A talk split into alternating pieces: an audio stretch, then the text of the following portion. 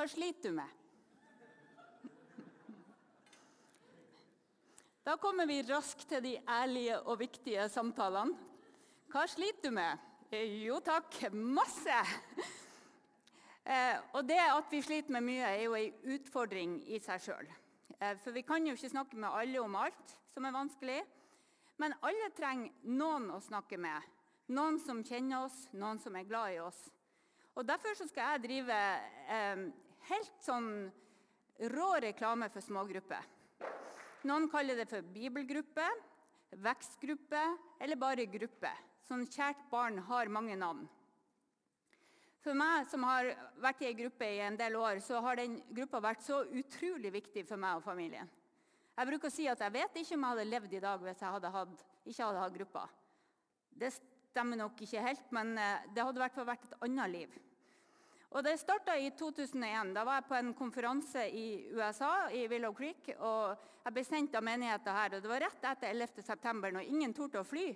Så jeg, jeg fikk en sånn restplass fra de her feige pastorene som ikke ville reise. Så da måtte jeg være med på smågruppekonferanse på vegne av Trondheim frikirke. Bjørn Gjellestad og Sissel Tonstad var like modige som meg, så vi hadde veldig fint i lag. Men når vi dro hjem, så hadde jeg én plan, og det var jeg må ha ei gruppe. Og På den tida så hadde jeg sånn som mange av dere, barn under ti år. De er som kjent litt vanskelig å la være alene. Og En av dem var så syk at barnevakt var ikke aktuelt. Vi hadde skremt vettet av et par barnevakter. Eh, så hvis vi skulle delta i ei gruppe, så måtte den møtes hjemme hos oss og til fast tidspunkt, sånn at dagsformen vår ikke avgjorde om vi deltok eller ikke. Og så skjønte jeg jo det at Skulle vi få oss ei sånn gruppe, som var villige til å komme hjem til oss, så måtte vi starte den sjøl. Så det var på tide å ta grep, og det er jeg veldig glad for i dag. For denne gruppa eh, den er viktigere enn jeg kunne forestille meg når vi starta. Og så lurer du sikkert på hvor jeg fant de her fine folkene som jeg står og skryter av. Og så eh, er jo saken at jeg fant de her. Det vil si, vi var vel på KVT på den tida. Jeg fant de på gudstjenester og på andre samlinger.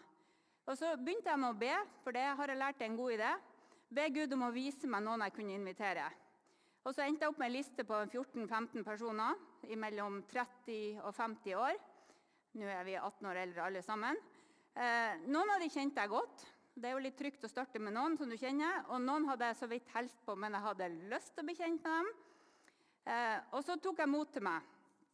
Og Da kommer jeg til det verste. Sant? Det å spørre vil du være med i gruppa vår hjemme hos oss. Og Svarene varierte fra ja, gjerne, til nei, dessverre. Eh, noen hadde gruppe allerede, noen hadde ikke tid til gruppe. Noen hadde ektefeller som måtte overtales. Til slutt så sto jeg igjen med ni personer. Og Så starta vi. Vi inviterte til en kveld og så sa vi at det er lov å prøve, det er lov å slutte. Eh, men eh, vi snakka sammen om hva vi ville med gruppa. Eh, og eh, hvordan vi ville ha det. Jeg tror målet vårt var at vi skulle leve annerledes mellom gruppen. Når, når dattera mi spurte hva det betyr, så måtte jeg oversette til at vi vil hjelpe hverandre til å følge Jesus i hverdagen. Det var målet vårt. At gruppa skulle påvirke oss til å leve annerledes. Så vi ble enige om et fast tidspunkt annenhver tirsdag fra åtte til ti, som var etter leggetid for de minste som hadde barnevakt. Eh, og De siste årene har vi flytta den fram fordi det er før leggetid for de større barna og før leggetid for meg, for jeg er veldig trøtt om kvelden. Så har vi enkel bevertning. For oss så går det i kaffe, Farris, sjokolade og litt frukt. Og så har vi ingen lekser mellom. Hvorfor forteller jeg dere alle disse detaljene? Jeg vil gjøre det så konkret at du tror at du også kan gjøre det. For nå, 18 år etterpå, så er fem av oss de samme Eh, vi har invitert nye til underveis, eh, men vi har lagt vekt på at denne gruppa skal være et sted som er for dønn ærlige samtaler både om livet og om trua. Og alle møter med mindre de er på jobb eller er syke. Flere av oss, og da mener jeg ikke bare vi som bor i huset, har hatt 100% oppmøte i snart 18 år. Så det er mulig å bygge nære fellesskap med relativt enkle ingredienser Vårt opplegg er sånn at vi deler gleder til åpning, og så deler vi det vi sliter med mot slutten, og så ber vi. Og Mellom de to faste postene så har vi Enten hører vi en tale eller leser en tekst og snakker om det. Noen ganger hører vi på musikk, noen ganger ber vi lengre. Eh, fyller det med det som, eh, som, så, må jeg finne ut når jeg planlegger gruppa. For det har vært min rolle. Men eh, det går fint an å la sånt også gå på rundgang. Ta med noe som du vil dele. Eh, og hvis du i tillegg har lyst til å følge taleserien vi har i kirka, så har vi laga et opplegg for, som heter For tidslinja. Der det er så detaljert at det er ingen problem å lede, uansett om du har erfaring eller ikke.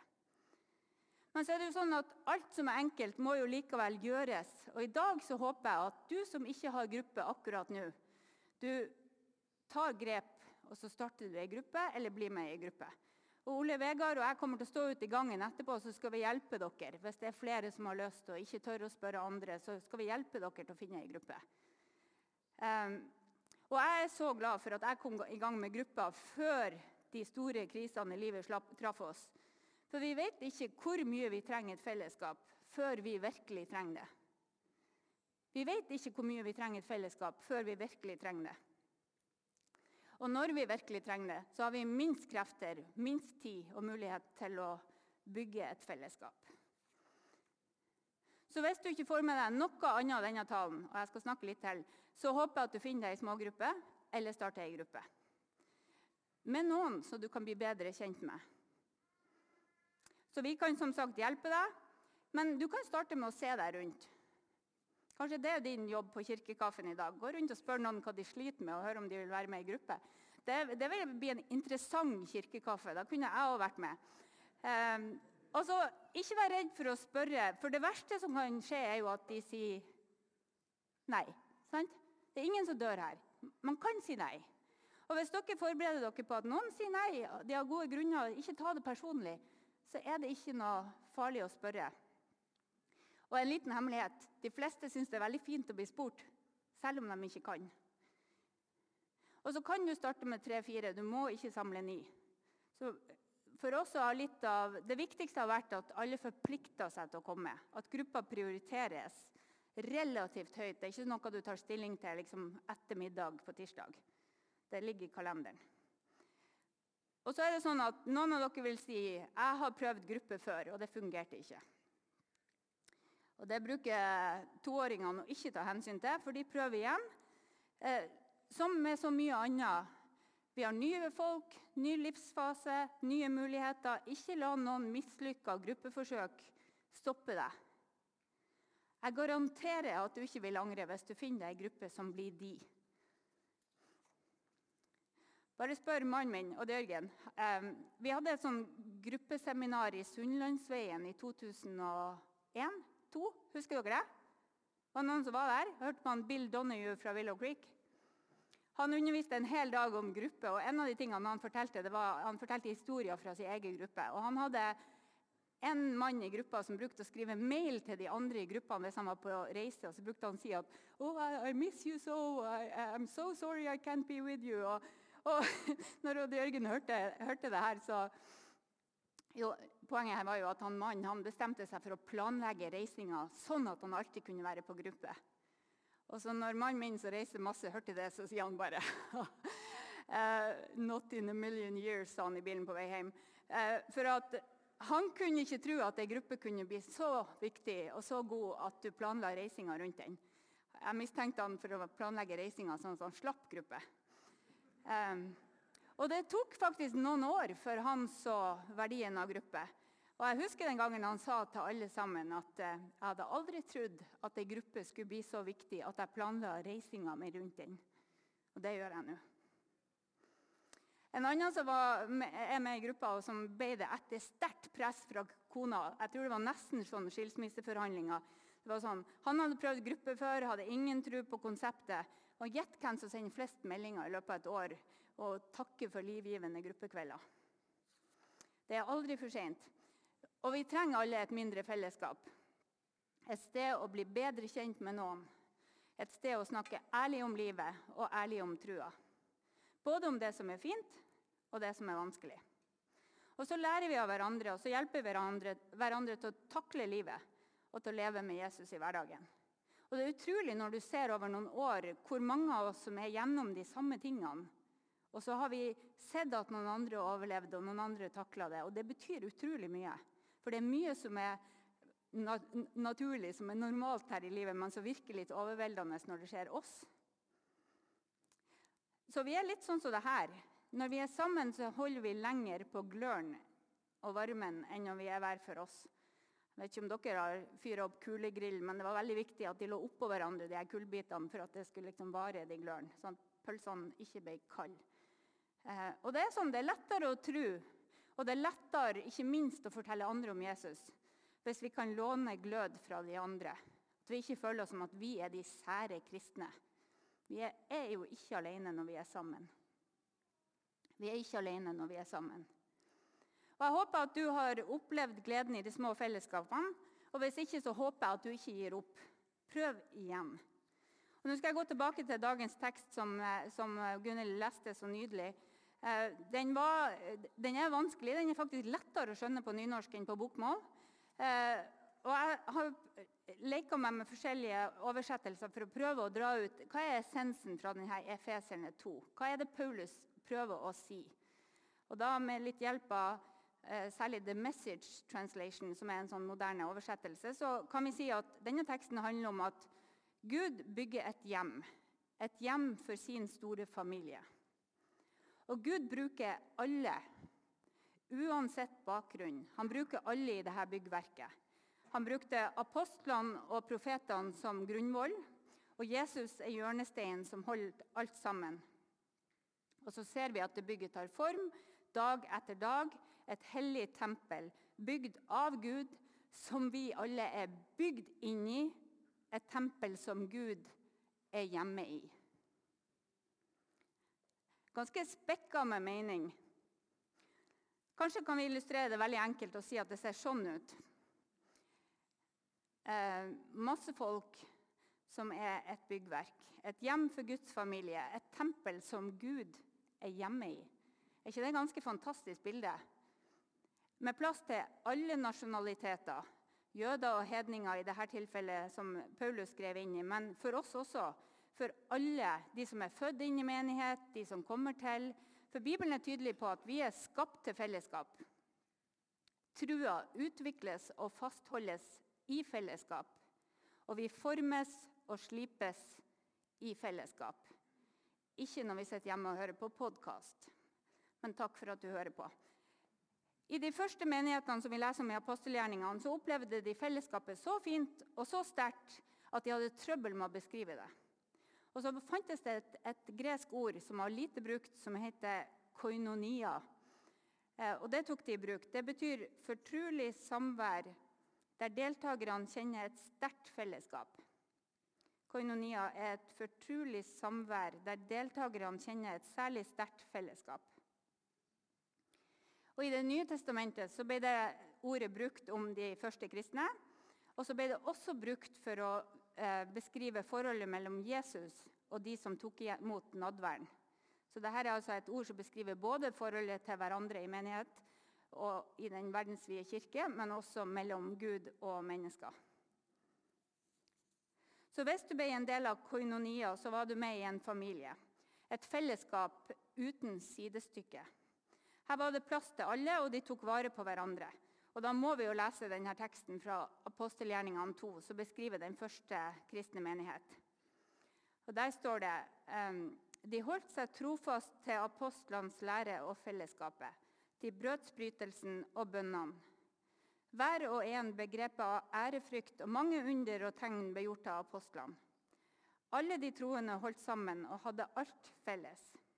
De solgte eiendommene sine og det de ellers eide, og delte ut til alle som, eh, som hver enkelt trengte det. Hver dag holdt de trofast sammen på tempelplassen, og i hjemmene brøt de brødet og spiste sammen med oppriktig og hjertelig glede. De sang og lovpriste Gud og var godt likt av hele folket. Og hver dag la Herren til nye som lot seg frelse. Der det var nytt og det var vakkert, men det var utvilsomt også krevende. For folk var ikke feilfrie da som nå. Um, så det var nok ikke uten grunn at Paulus måtte skrive brevet til efeserne 25 år etterpå. og at det inneholdt formaninger. Paulus sier, så formaner jeg dere, jeg som er fange for Herrens skyld, at dere lever et liv som er verdig det kallet dere har fått.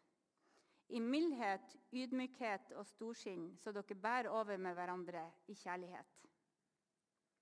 Eller hvis vi tar våre verdier i menigheten vår, så er det inkluderende, ekte og raus. Det er det vi vil skal prege oss, ikke fordi vi alltid klarer det, men fordi vi vil prøve det og vi vil etterstrebe det. Som Paulus sa, i mildhet, ydmykhet og storsinn. Så vi bærer over med hverandre i kjærlighet. Så fellesskap er faktisk arbeid. Det krever arbeid. Det ser vi i resten av teksten, der Paulus fortsetter. Sett alt inn på å bevare åndens enhet i den fred som binder sammen. Én kropp, én ånd, sånn som dere fikk ett håp da dere ble kalt. Én Herre, én tru, én dåp, én Gud og alles Far. Han som er over alle og gjennom alle og i alle. Så Paulus oppfordrer eh, efeserne og oss til å sette alt inn på å holde fast på enheten, til å ta vare på fellesskapet. Og så er det Gud vi tilber og tjener, og det er Han som holder alt sammen sammen. Det er Gud som gjør det mulig å oppleve sånne grenseløse fellesskap der vi kan møtes på tvers av generasjoner, bakgrunn, etniske skiller, landegrenser. Ja, og til og med på tvers av generasjoner, de som har gått foran, og de som kommer etter oss.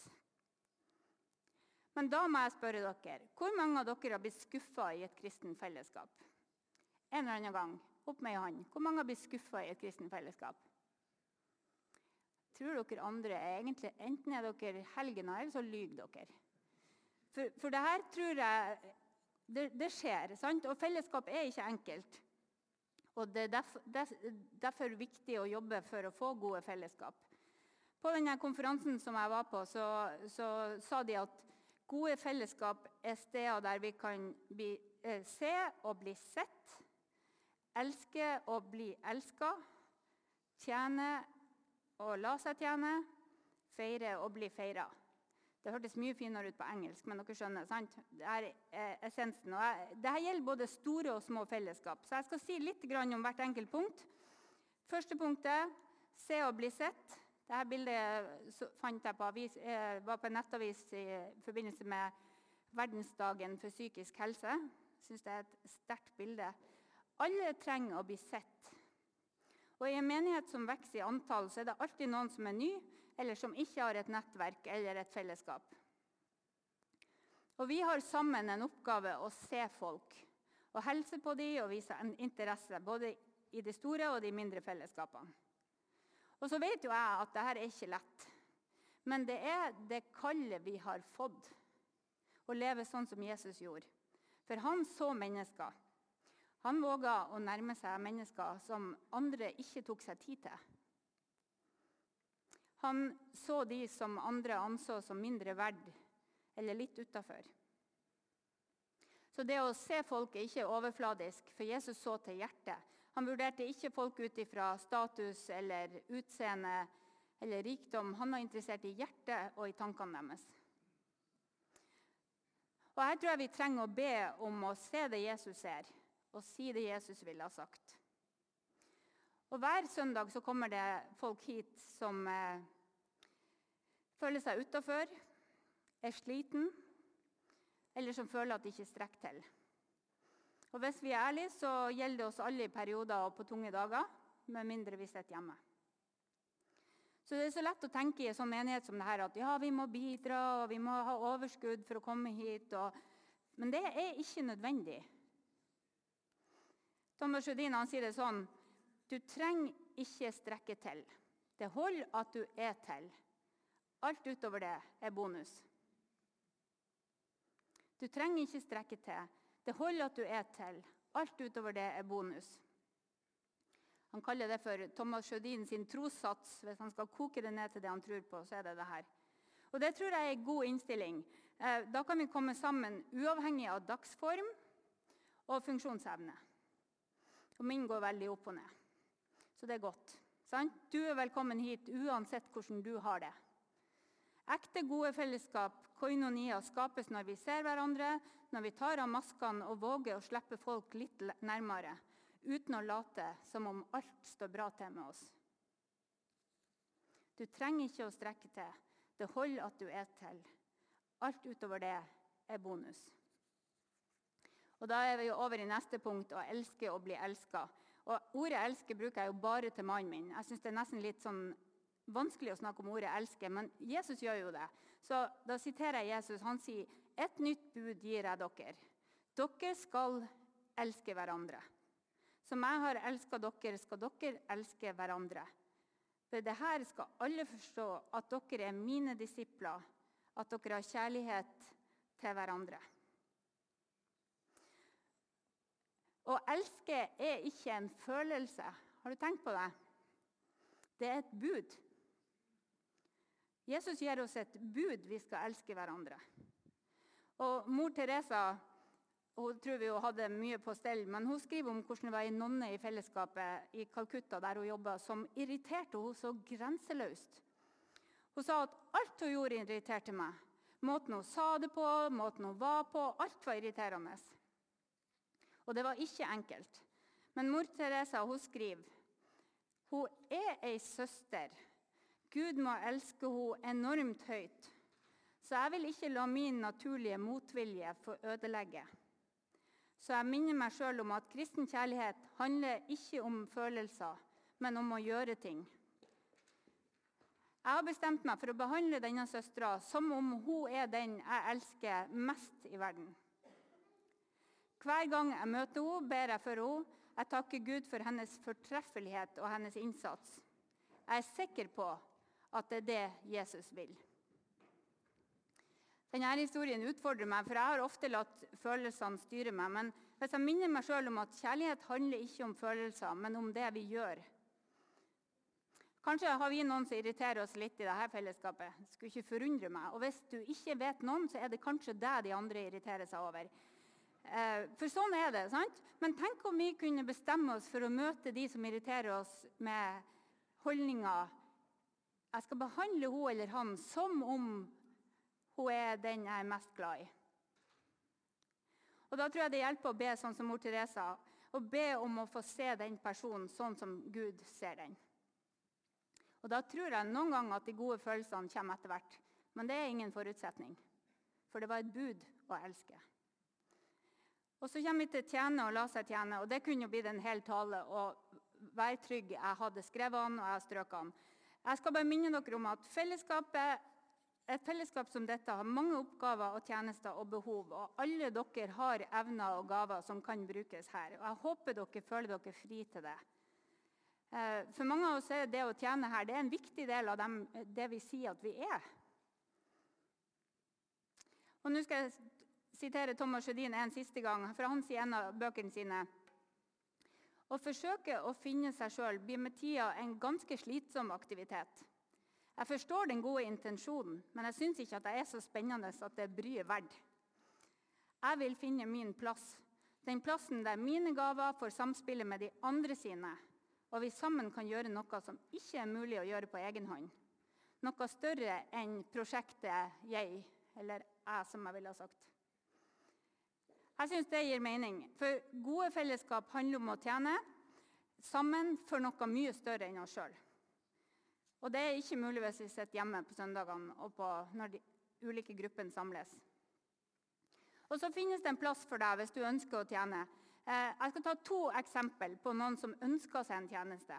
Det ene er Mette Marie, som leder i dag. Jeg har spurt henne mange ganger hva hun kunne tenke seg å bidra med. og Etter hvert så klarte jeg å lure ut av henne at hun leder jo konferanser på jobben og er helt trygg på en scene. og Så sier hun at kanskje jeg kan lede en gudstjeneste. Og jeg syns hun har gjort en strålende jobb. Er dere enige? Sant? Klappe ordentlig hvis vi skal klappe. Og så har vi Berit på kjøkkenet. Turbo-Liv-Berit, som har jobba som flyvertinne i SAS i 31 år. Og når hun begynte i menigheten, hva var vel mer naturlig enn å melde seg til kirkekaffen? Sant? Noen ganger så Ja. Og så er det aller fineste med å bli med i en tjeneste det er jo at du blir kjent med noen andre.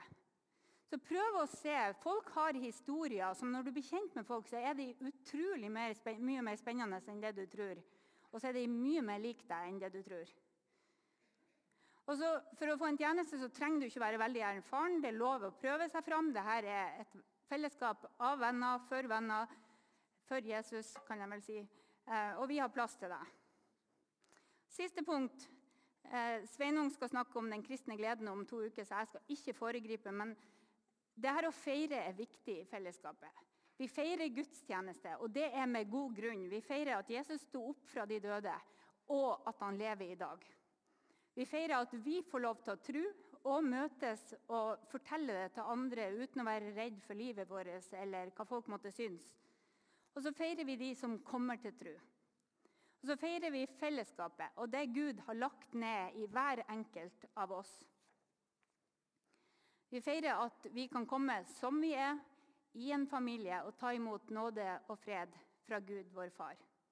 Og helt til slutt Hvis du kjenner at du lengter etter et dypere fellesskap, og du ikke har ei smågruppe, så oppfordrer jeg deg til å gjøre noe med det i dag. Vi skal stå klar i gangen etterpå for deg som trenger hjelp og råd. Ikke vent. Sørg for at du får deg et mindre fellesskap i tillegg til det store. Det er ikke for sent å prøve og til oss alle sammen. Husk at det store fellesskapet blir bedre hvis vi kommer hit jevnlig. Vær med på gudstjenester og samlinger når du kan, og hjelp oss å se folk, elske, tjene, feire.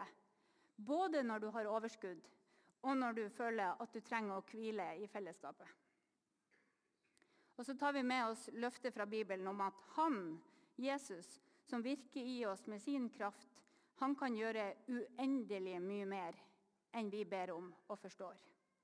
Han som er over alle, gjennom alle og i alle. Amen. Skal vi røyse oss og skal vi synge Guds menighet til avslutning?